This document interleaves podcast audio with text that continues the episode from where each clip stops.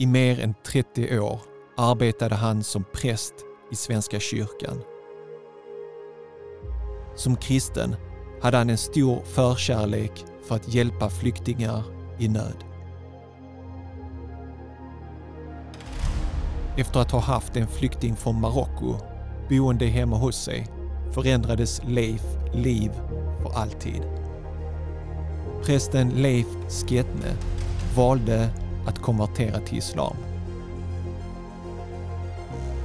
Idag bor Leif i Marocko och har tagit till sig namnet Ahmed. I detta tal, som du alldeles strax ska få lyssna på, berättar Leif Ahmed om varför profeten Muhammed också är hans profet. Vilka egenskaper hos profeten Muhammed är han särskilt förälskad i? Hans enkla bakgrund, hans kraft och styrka, hans finaste gåva till mänskligheten, hans förlåtelse, hans kärlek, hans försvar av flickor, hans tålamod, hans leende. Detta är Leif Ahmeds vittnesbörd om varför profeten Muhammed, över honom var Guds frid och välsignelser, också är hans profet.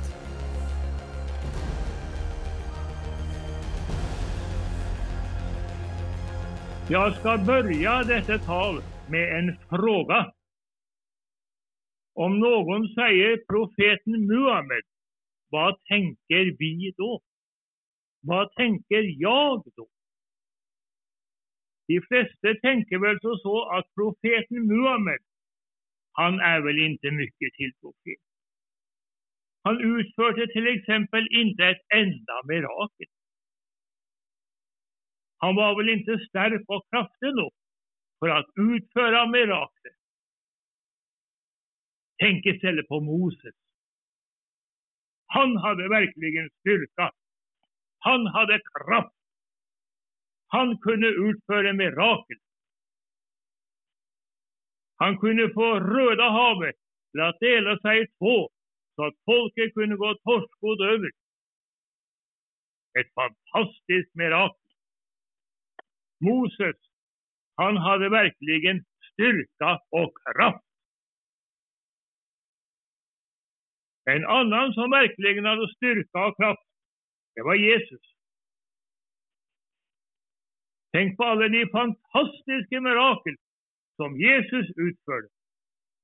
Han oppvekte døda, han botade sjuka, han stilte stormen. Jesus, han hadde verkligen styrka og kraft. Så kommer vi til profeten Muhammed. Inte et enda mirakel. Ingen styrka, ingen kraft. Helt, helt, helt feil.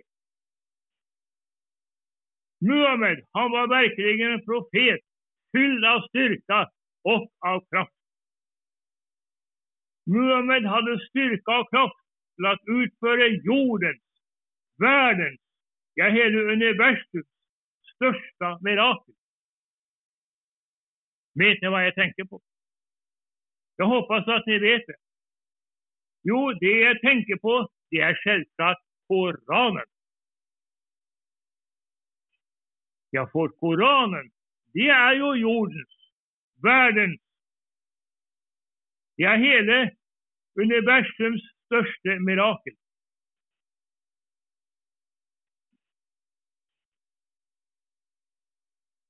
De som sier at profeten Muhammed ikke har utført noe mirakel, de vet altså ikke hva de prater om.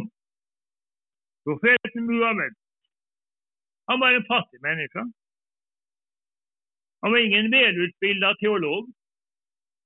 Han kunne kanskje ikke lese og skriva. Han var kort sagt en liten, enkel, jordnær menneske. Men det fantastiske er jo at Gud, han kunne anvende denne lille, enkle mennesken. Når Gud behøvde en menneske for å förmedla sitt fantastiske budskap til jorden, så valgte Gud den lille, enkle människan. Gud kunne jo valgt en velutbildet og mektig menneske, Men nei. det gjorde ikke Gud. Det er den lilla enkle mennesken som er viktig for Gud. Gud fyller den lille, enkle Muhammed med styrka kraft til å klare av sitt viktige oppdrag. Av ren nåd så blir den lille, enkle Muhammed en sterk og kraftig profet. Gud, han tykker om den som er liten og enkel. Og det, det gjør jo vi også. Stora og mektige mennesker gjør oss redda.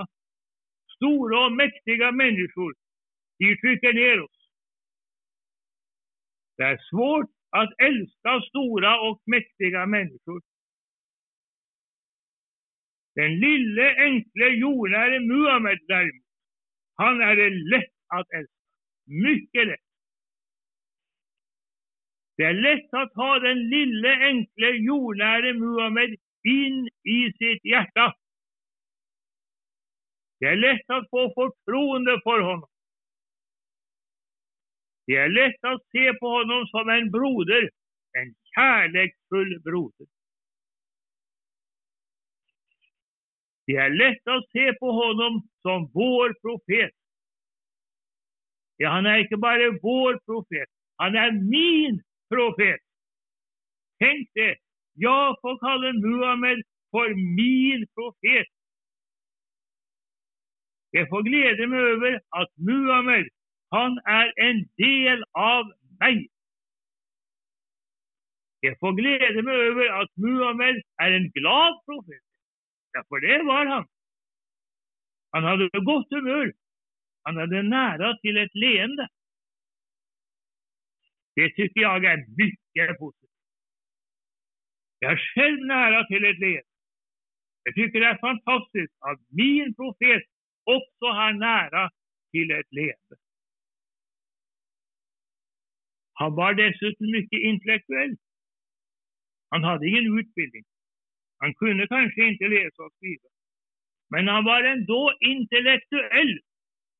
Man måtte jo ikke være delutbildet for å være intellektuell. Nei da, nei da.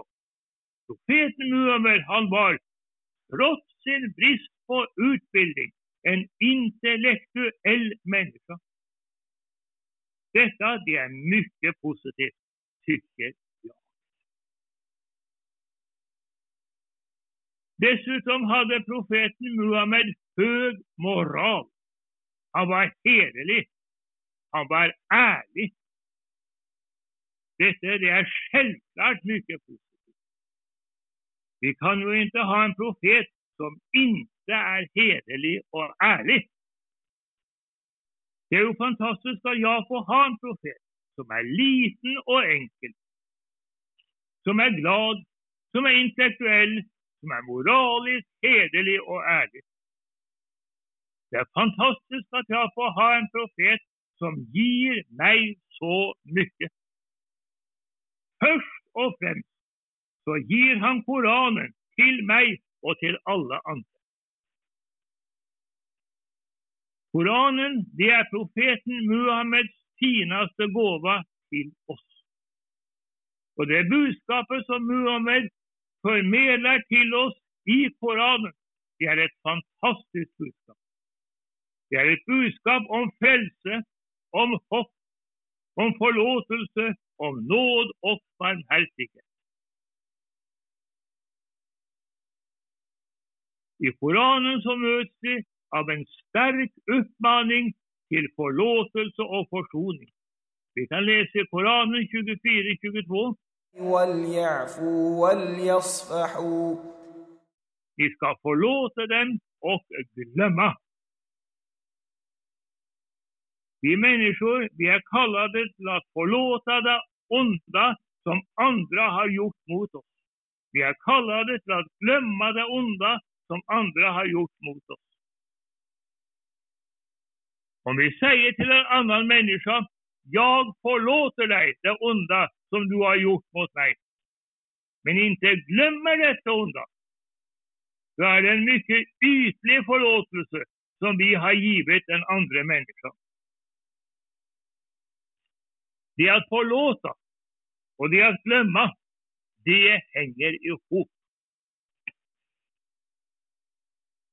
Om vi inte glömmer, så kan vi ju i åretal gå runt och tänka på det onda som den andre har gjort mot oss, mot meg. Vi ältar og ältar dette onda.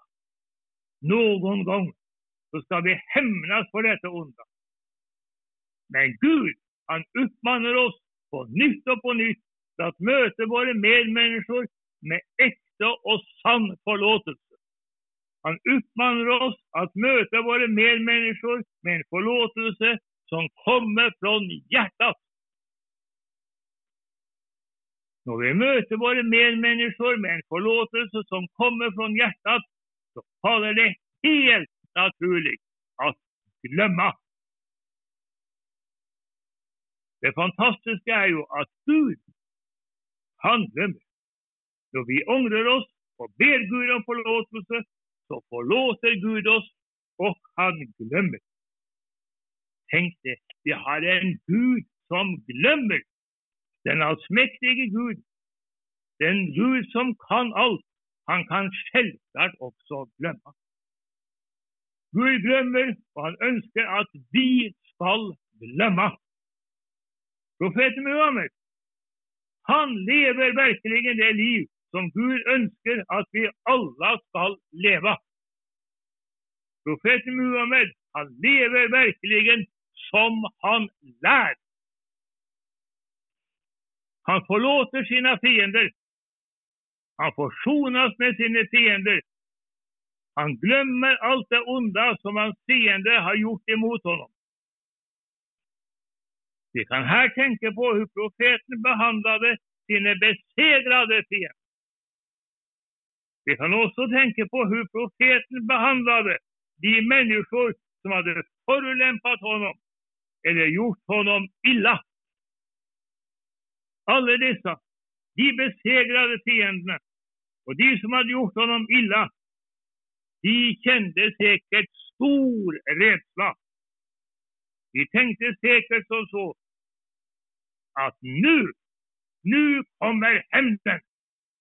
Hevnen mot oss som har forfulgt honom og gjort honom illa. För det hadde jo vært naturlig.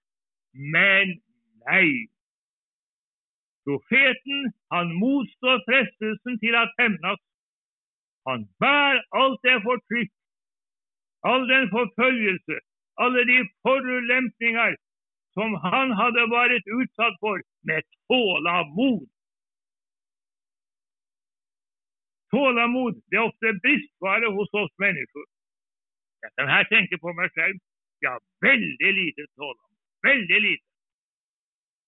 Profeten Muhammed derimot, han har massor av tålamod.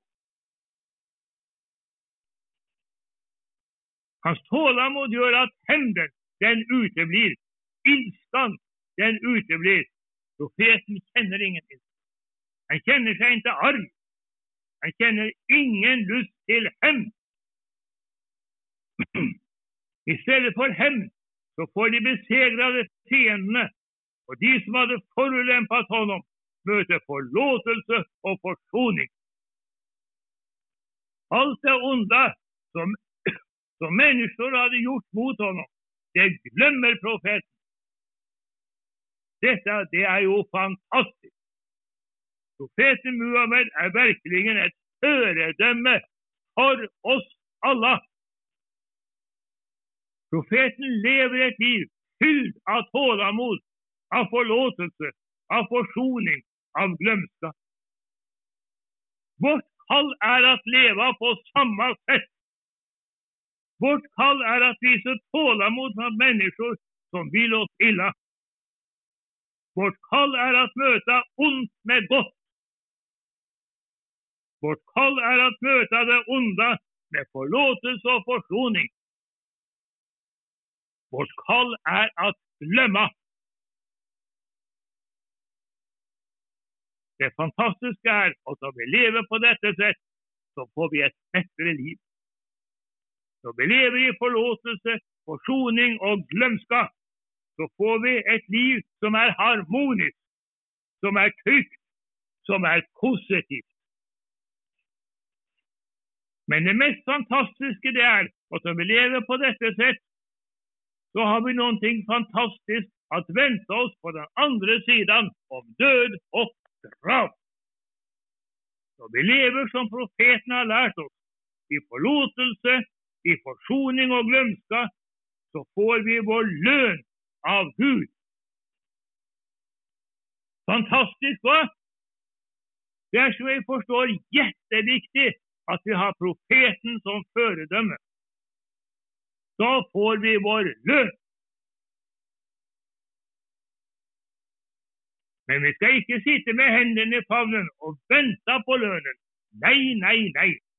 Det gjorde jo ikke profeten. Profeten han jobba det på av kjærlighet til sine medmennesker. Et tydelig eksempel på dette det er kampen mot dødende av uønskede barn. Den barbariske seden at levende begraver barn, særskilt flikker, var utbredt i det førislamiske Arabia. Fossebarn kunne bli ofret til noen av deres mange guder. Denne seden den kjempet profeten imot. Det kan vi lese om i Koranen 1731. Døda ikke era barn av redsel for fattigdom. Profeten kjempet for et mer rettvist samhelle. Han kjempet for at flikker skulle ha samme verde som pojker. Han kjempet for at kvinner skulle ha samme verde som menn. Han møtte sine medmennesker med kjærlighet og respekt.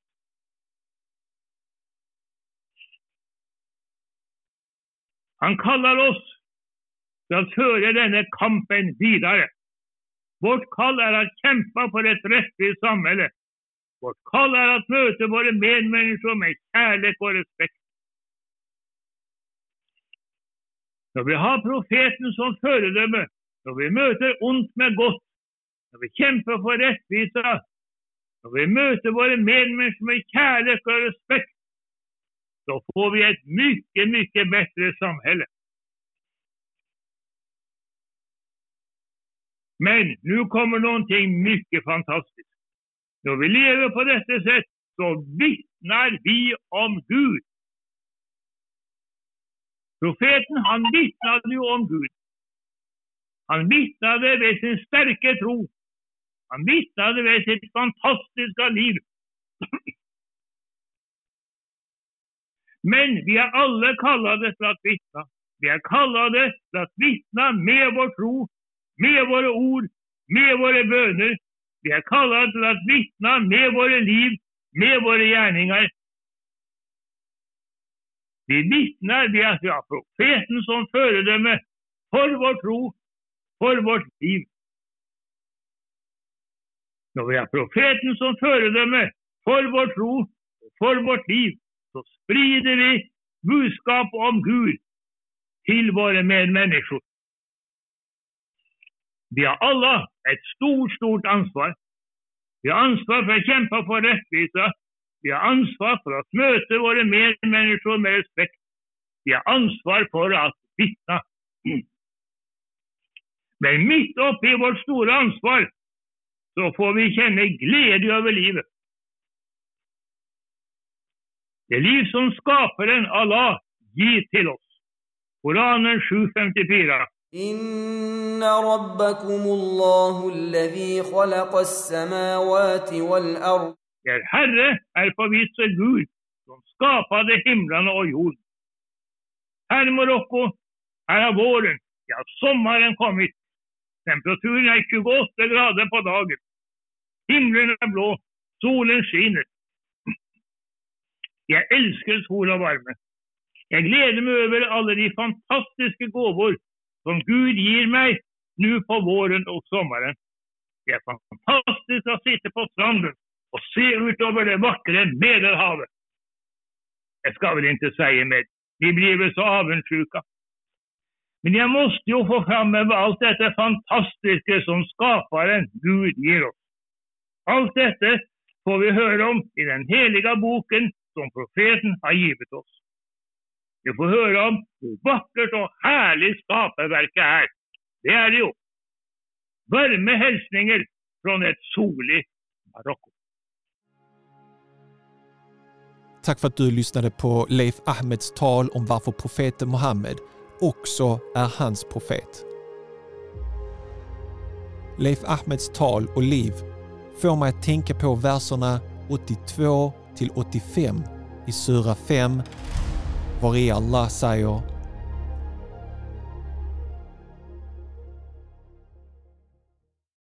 ولتجدن أقربهم مودة للذين آمنوا الذين قالوا إنا نصارى. ذلك بأن منهم قسيسين ورهبانا وأنهم لا يستكبرون. Och du ska helt säkert finna att de som kommer de troende närmast i vänskap av alla människor är de som säger vi är kristna. Det finns nämligen bland dem präster och ordensfolk som sällan visar högmod. وإذا سمعوا ما أنزل إلى الرسول ترى أعينهم تفيض من الدمع مما عرفوا من الحق يقولون ربنا آمنا فاكتبنا مع الشاهدين. Och när de får höra det som har uppenbarats för sändebudet får du se hur deras ögon tåras av rörelse. Därför att de i detta känner igen en del av sanningen och de säger Herre, vi tror. Räkna oss bland vittnena.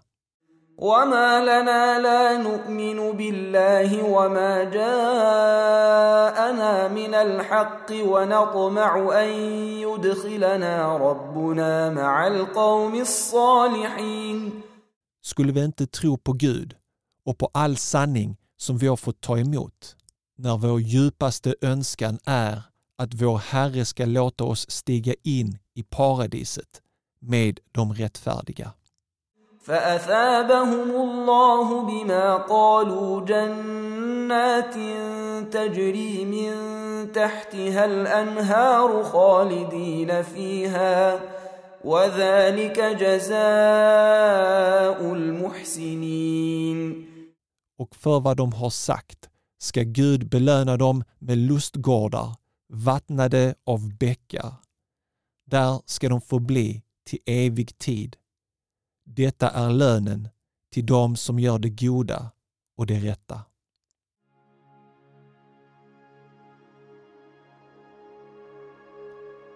Leif Ahmed har tidigare gästat Koranpodden.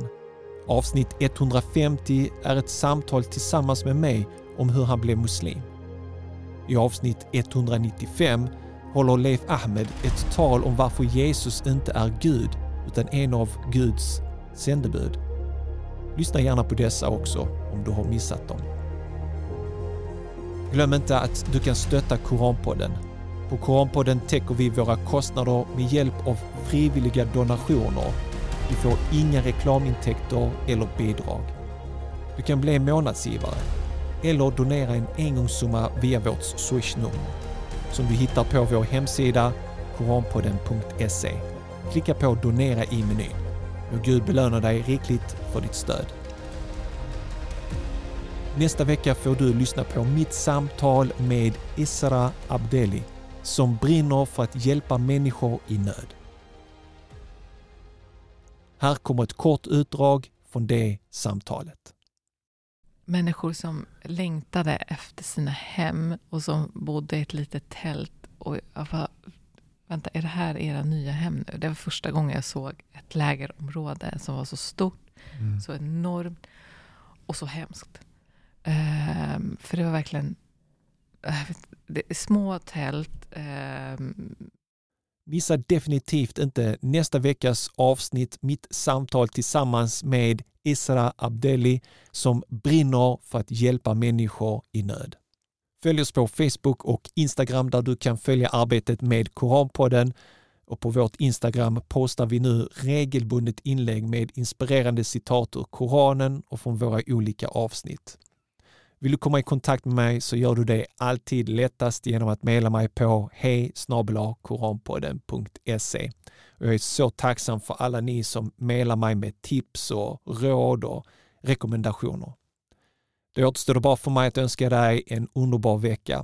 Tack för att just du lyssnar på Koranpodden. Vi hörs igen nästa vecka på måndag med ännu ett nytt poddavsnitt inshallah. Ta hand om dig tills dess. Salam alaikum wa rahmatullahi wa barakatuh.